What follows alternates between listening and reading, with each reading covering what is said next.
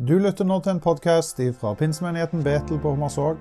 Vår bønn er at denne talen skal skape og bygge tro i deg.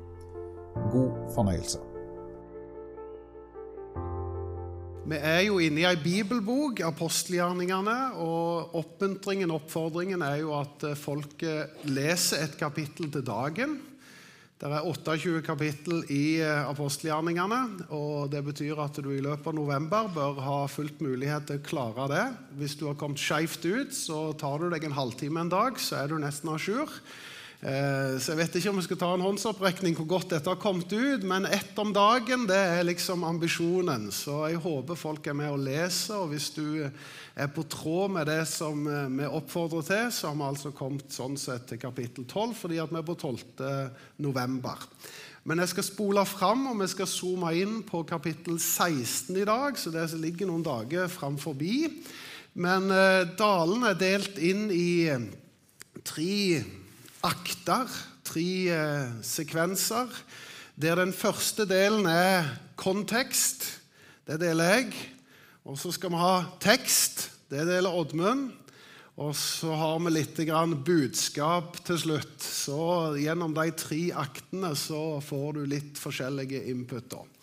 Men apostelgjerningene som vi er i for å gi litt kontekst til det, så er det jo sånn at eh, det er jo ikke forfatteren som har kommet på at det skal hete apostelgjerningene. Det er jo noen andre som har satt det navnet, og boka har jo forskjellige overskrifter i forskjellige språk, f.eks. For Acts, som er i engelsk, som forteller noe om hendelser.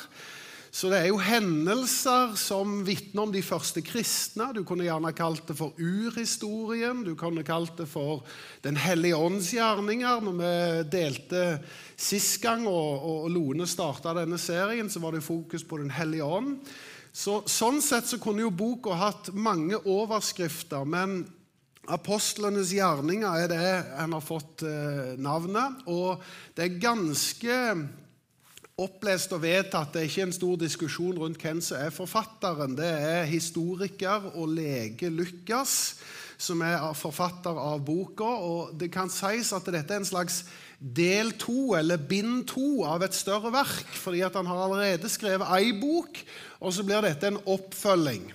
Eh, og Han starter med i begynnelsen av apostelgjerningene å hilse til ærede Theofilius. Så det må være et eller annet med denne her Theofilius, og det vet vi ikke så altfor mye om, men sannsynligheten er stor for at det er en ganske velholdig mann som på en måte var med og finansierte skrivet. For det var ganske vanlig på den tida at hvis, hvis du skulle få skrevet ting, så var jo ikke det bare å finne fram penn og papir. Sånne ting var dyrt, med papyrus osv. Så, videre. så det å i hele tatt ha finansieringen i orden til å kunne lage et sånt et brev som det der, det krevde at du hadde noen med økonomiske muskler i ryggen. Så det er mye sannsynlig at når han skriver til ærede Teofilius, så handler det om at han dedikerer dette brevet til den som er finansmannen bak at dette brevet skrives.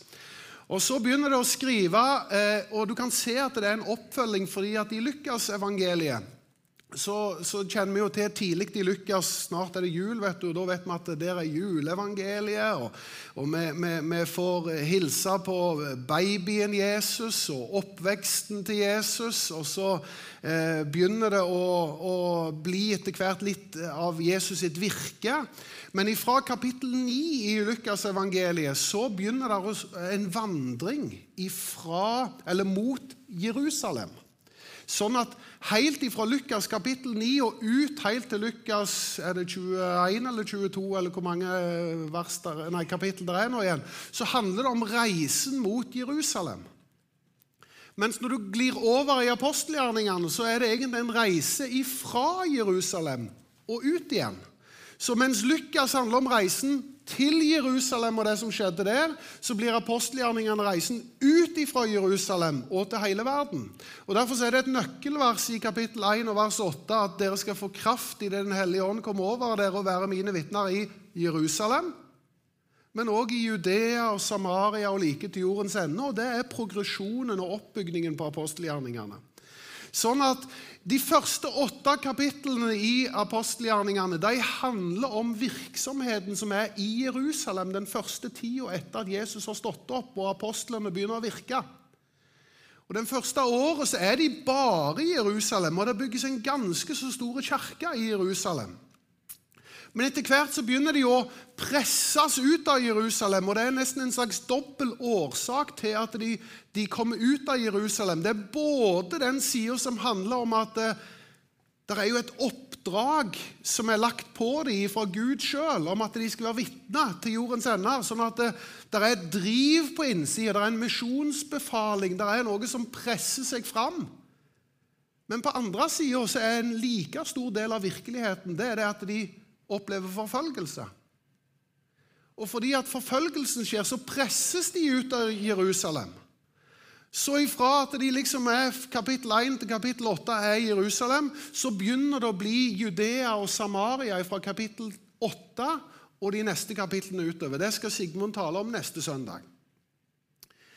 Så skal jeg spole forbi det, så det blir jo å hoppe litt fram og tilbake. Men er dere med på reisen? her, Anna? At nå har vi liksom forlatt Jerusalem, og så har vi gått ut i Judea og Samaria, og evangeliet begynner å få fotfeste. Og en av de tingene som blir et spørsmål når du leser apostelgjerningene. Er dette normative skrift, eller er det mer deskriptiv skrift? Som betyr er dette noe som er en slags mal, for sånn skal kristenlivet leves?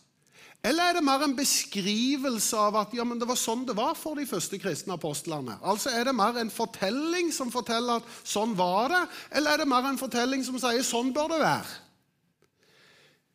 Og I ulike kristne tradisjoner så møter vi forskjellige ting. Noen vil si ja, men det er bare en beskrivelse av sånn det var for apostlene. Andre vil si ja, men dette er jo malen for hvordan vi skal leve det kristne livet.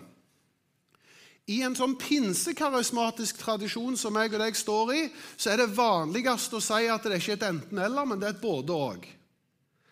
Fordi at du finner en del sånne prinsipielle føringer som gjelder til enhver tid. F.eks. så er misjon veldig sentralt. Det står om fra kapittel 1 og helt til slutten. Det handler om misjon. Det forteller oss noe om at det er en mal for hva kristne bør drive på med, og hva kristne kirker skal holde på med til Jesus kommer igjen. Misjon er på Guds hjerte og på Guds agenda. Det er noe som vi ikke skal bare tenke at det var den gang da, men det er fortsatt gjeldende. Fortsatt så gjelder misjonsbefalingen. Men så er det andre ting ved det som vi kanskje tenker det er ikke sikkert at det er normen, det er malen. F.eks. at de solgte alle eiendelene og hadde alt felles. Og alle ga til enhver alt etter hva som var behovet. Og Så kan noen holde opp til at jo, men det er jo kristne som sier at det er malen og normen.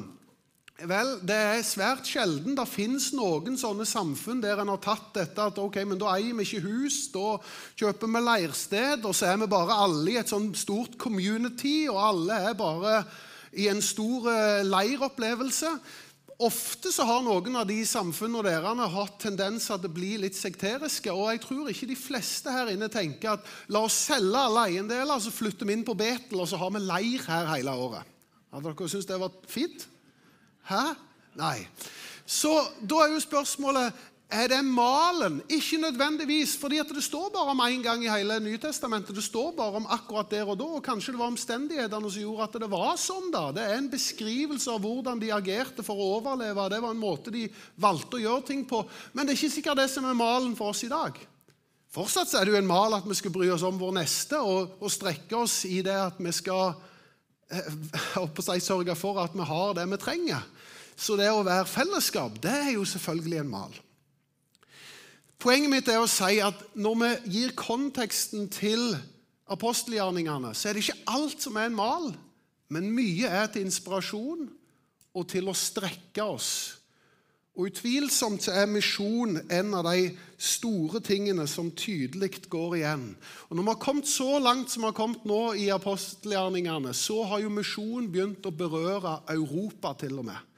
Og Selv om dette er det Sigmund skal ta mer om senere, så jeg skal ikke bruke mye tid på det, men det er en hendelse i kapittel 10 fra Kornelius sitt hus, og Peter som har et syn, han ser ulike verdenshjørner, og han begynner å se at og Dette var viktig fordi at Peter han tenkte at han skulle først og fremst dele i nære omgivelser, men så begynner han å få et syn. Oi, evangeliet skal jo gå til alle folkeslag. Og den som blir den store ambassadøren for dette, det er jo han som møter Jesus personlig på et sterkt møte han har i apostelgjerningene. Det er Paulus. Og den siste halvdelen av apostelgjerningene handler om at misjon går til verdens ende. Så når vi har kommet til kapittel 16, så begynner misjon å berøre Europa. Og Det er det som er konteksten for det vi skal lese i dag. Noe annet som er særpreg med apostelgjerningene, det er at det er veldig mange taler. Eh, jeg tror det er over 20 taler. Så av 1000 vers i apostelgjerningene så er 365 av de det er relatert til talere. Det er Peter og Paulus som er taleføre. De har mye å dele, mye å fortelle. Så veldig mange ting er taler. Men det er òg beskrivelser av menneskers møte med den levende Gud. Og nå skal vi få et innblikk i hvordan evangeliet berørte Europa for første gang, og på hvilke måter enkeltpersoner ble berørt med evangeliet. For det er det som blir mitt budskap i etterkant. Det er sprengkraften i evangeliet.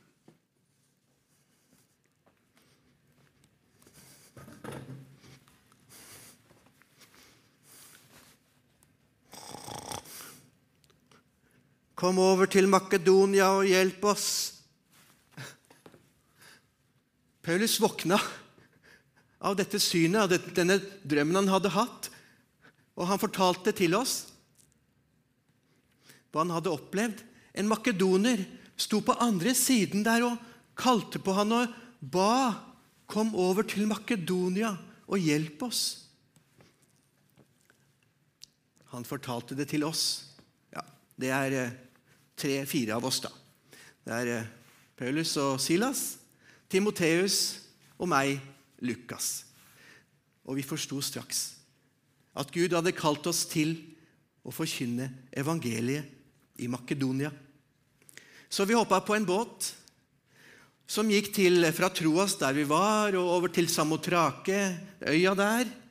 Og så endte vi i Neapolis. Og så gikk vi da bare til fots til Filippi. Og der i Filippi ble vi i noen dager. På sabbatsdagen gikk vi ned til en elv, for vi visste at der var det et bønnested. Vi gikk der og satte oss ned og samtalte med kvinnene som satt der. Blant dem var Lydia, en velstående kvinne som solgte purpurtekstiler. Hun var en gudsfryktig kvinne. Paulus forkynte for dem, og Herren åpnet hjertet til Lydia, så hun tok imot og kom til tro. Hun ble døpt med hele sin familie og så sa hun, 'Jeg har et gjestehus. Kom og bli hos oss.' Hvis dere mener at jeg tror på Herren, da. Så ville Jotas overbevise og bodde hos henne i hennes hus. En annen dag da vi var på vei ned til elva, så kom det etter oss en slavekvinne som var besatt av en ond ånd. Og hun ropte etter oss disse mennene de, de er tjenere for den høyeste Gud. Og de preker om veien til frelse, ropte hun til folk langs veien. Paulus ble mer og mer irritert. For det foregikk over flere dager. Og til slutt så sa han bare, snudde seg mot henne, talte til ånden. Far ut i Jesu Kristi navn, jeg befaler deg. Ånden forlot henne i samme øyeblikk. Men de som tjente penger på henne, følte ikke det samme. De ble ganske oppbrakt, for nå hadde de mistet sin inntektskilde. De slepte med seg Paulus og Silas fram mot dommerne på torget. De sa, 'Disse mennene uroer byen vår de har jødiske skikker som de taler om, som er imot den romerske loven. Og folket var helt med dem og imot Paulus og Silas. Dommerne, de sa noe. Disse skal piskes og kastes i fengsel. Paulus og Silas fikk mange piskeslag den dagen. Og fangevokteren kastet dem inn i det innerste og sikreste fangehullet og bandt bena deres til veggen. Han selv sovna på vakt. Hele kvelden ba Paulus og Silas, og de sang lovsanger til Gud. Ved midnattstid kom et voldsomt jordskjelv som ristet hele fengselet. Alle dørene sprang opp, og lenkene falt av dem og fra alle fangene rundt dem. Fangevokteren løp inn til dem og falt ned for dem, førte dem ut av fengselet. Og så sa han, 'Mine herrer, hva skal jeg gjøre for å bli frelst?' Da sa Paulus, Tro på Herren Jesus Kristus, så skal du bli frelst, og hele ditt hus. Fangevokteren tok disse med hjem og vasket sårene på Paulus og Silas. Paulus forkynte for dem alle sammen. Hele hans hus ble frelst, de ble døpt den natta. Og så spiste de sammen. Fangevokteren var så glad, for nå hadde han blitt frelst med hele sitt hus, og han gledet seg stort. Senere på dagen så var Paulus og Silas fri fra fengselet. Da gikk de tilbake til Lydia sitt hus der de bodde. De møtte de troende der, og de oppmuntret dem. Og Siden gikk de videre til Tessalonika, hvor de møtte flere problemer.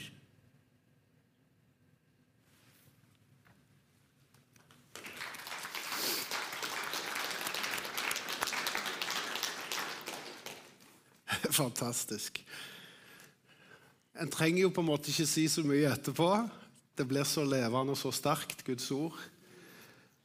Men her altså møter du eh, evangeliet som treffer tre ulike enkeltmennesker. Den første er Lydia.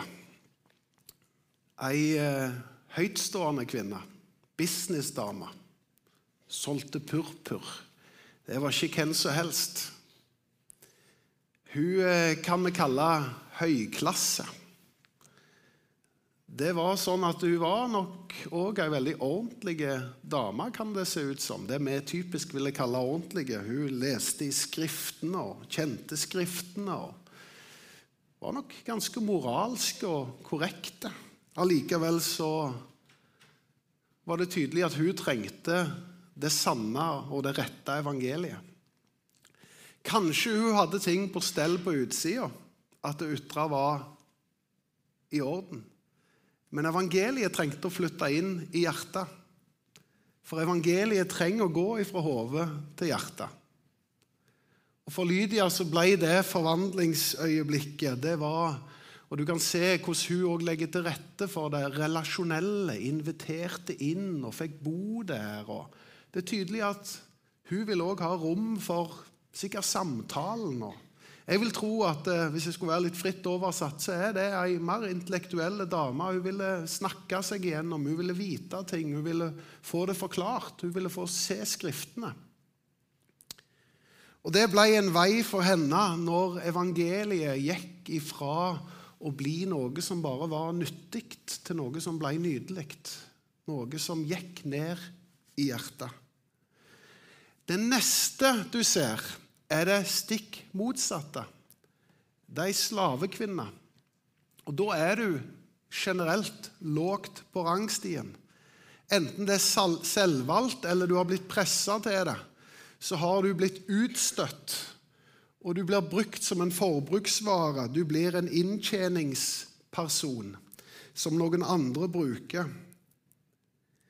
Så ser du at det var ei dame som ikke hadde livet på stell, som var demonbesatt, som gikk og plagte de som var troende. Og, og hun får et forvandlende møte med Jesus, med evangeliet. Du ser at evangeliet møter høystatus, evangeliet møter lavstatus. Identiteten forvandles, hun blir et nytt menneske. Den tredje personen som møtes, det er fengselsvokteren. Og Hvis den ene er høystatus og den andre er lavstatus, så tror jeg mer vil si at det er en som er midt på treet. Middelklassen. Han er bare opptatt av å gjøre en god jobb. Opptatt av å gjøre ting ordentlig. Han visste at konsekvensene av at, han, at fangene ble sluppet fri eller forsvant ut av hans varetekt, det var at han kunne bøte med sitt eget liv, så han griper til sverdet. Så det er tydelig en kar som er opptatt av at eh, jobben skal gjøres ordentlig. Og kanskje han var den mer praktiske arten. For mens noen av disse andre trengte å få forklart evangeliet, forklart Skriftene, Lydia, så trengte slavekvinnene å se kraften i evangeliet som forvandla noe av det som ble plagte henne på innsida. Mens fangevokteren i større grad er den praktiske mannen i gata som trengte å få vist evangeliet. Kanskje det ikke var så viktig med forklaringen. Kanskje ikke kraften var så viktig, men at han blir ropt på av Paulus og Silas, som sier, 'Stopp! Ikke ta ditt eget liv. Vi er fortsatt her.' Hva er det? Jo, det er to mennesker som kunne flykte, men som viste evangeliet i praktiske gjerninger. Det smelta hjertet til fangevokteren, og det ble hans vei til å finne evangeliet. Jeg tror at disse historiene viser oss noe av mangfoldet i hvordan det går an å møte Jesus. Og nå bare I senere tid har vi, hatt, vi hadde jo ett vitnesbyrd her for noen uker siden med en Oddvar som i voksen alder har møtt Jesus, som har blitt truffet av evangeliet. Og så er det en sterk historie. For to uker siden så hadde jeg nok en trossamtale med Sverre Haga, som jo døde for noen dager siden, og som skal være begravelse på tirsdag. Som forteller om hvordan han møtte Jesus på sykehuset for et halvt års tid siden, og hvordan livet hans ble forvandla. Sigmund har delt noe med en kjenning av han som har tatt kontakt, og som har møtt Jesus. Og Så ser vi hvordan det er veldig sjelden det er et mønster som sier at sånn som dette må det være. Det er en mal som på en måte passer for alle. Vi ser at Guds ånd er så mangfoldig og møter folk på så ulike måter. På så ulike sted i livet. Men fellesnevnerne er at evangeliet er Guds kraft til frelse for hver den som tror. Og I denne herrene nydelige historien fra apostelgjerningene 16 så kan vi se også at nettopp dette, at evangeliet ikke er forbeholdt bare ett folk og én tid og én geografi, men hvordan det sprenger seg fram. Det var ikke bare jødene, men det var Lydia fra Midtøsten. Det var slavekvinnen som sannsynligvis var gresk. Og det var den romerske fangevokteren som var en europeer. Og Vi ser hvordan evangeliet krysser nye landegrenser, nye kulturer og ulik sosial status. Var det ikke det som nettopp sto? Her skal det ikke være forskjell på mann eller kvinne, slave eller fri, jøde eller greker. Her er alle inkludert. Evangeliet har rom for alle, og det er i kraft, har kraft til å møte alle. Og Jeg tror vi lever i en tid som på mange måter kan sammenlignes med det som var tilfellet her. Nå er det veldig forskjellig til å være i 2023 og da, men det som kan være en fellesnevner, det er at evangeliet var egentlig ikke noe som var, hadde en umiddelbar medvind i folket. Tvert imot hadde det en motstand i folket. Det var ikke sånn at du ble applaudert ved å holde fram og opp evangeliet. Og Det går an å si at omstendighetene gjør det umulig. Og vi kan jo tenke ut ifra vår tanke om Norges land i dag. Jo, men Det er på en måte det er sekulariseringen, det, det er liksom ikke noe medvind. Og, og, og, hvor er de som søker Gud? Og Vi kan fortelle en fortelling om at det nesten blir umulig. Men det var òg rimelig umulig når omstendighetene var som de var her. Men så ser du hvor kraftfullt evangeliet er, som forvandler liv til tenkeren, til den som er belest, og som kjenner Skriftene, som får aha, til den som ikke kjenner Skriftene i det hele tatt, og som får et forvandla møte med kraften i evangeliet. Til den vanlige, praktiske arbeideren som bare får demonstrert evangeliet. Og ulike måter så formidler vi evangeliet som har kraft til å forvandle mennesker. Og så går evangeliet fram.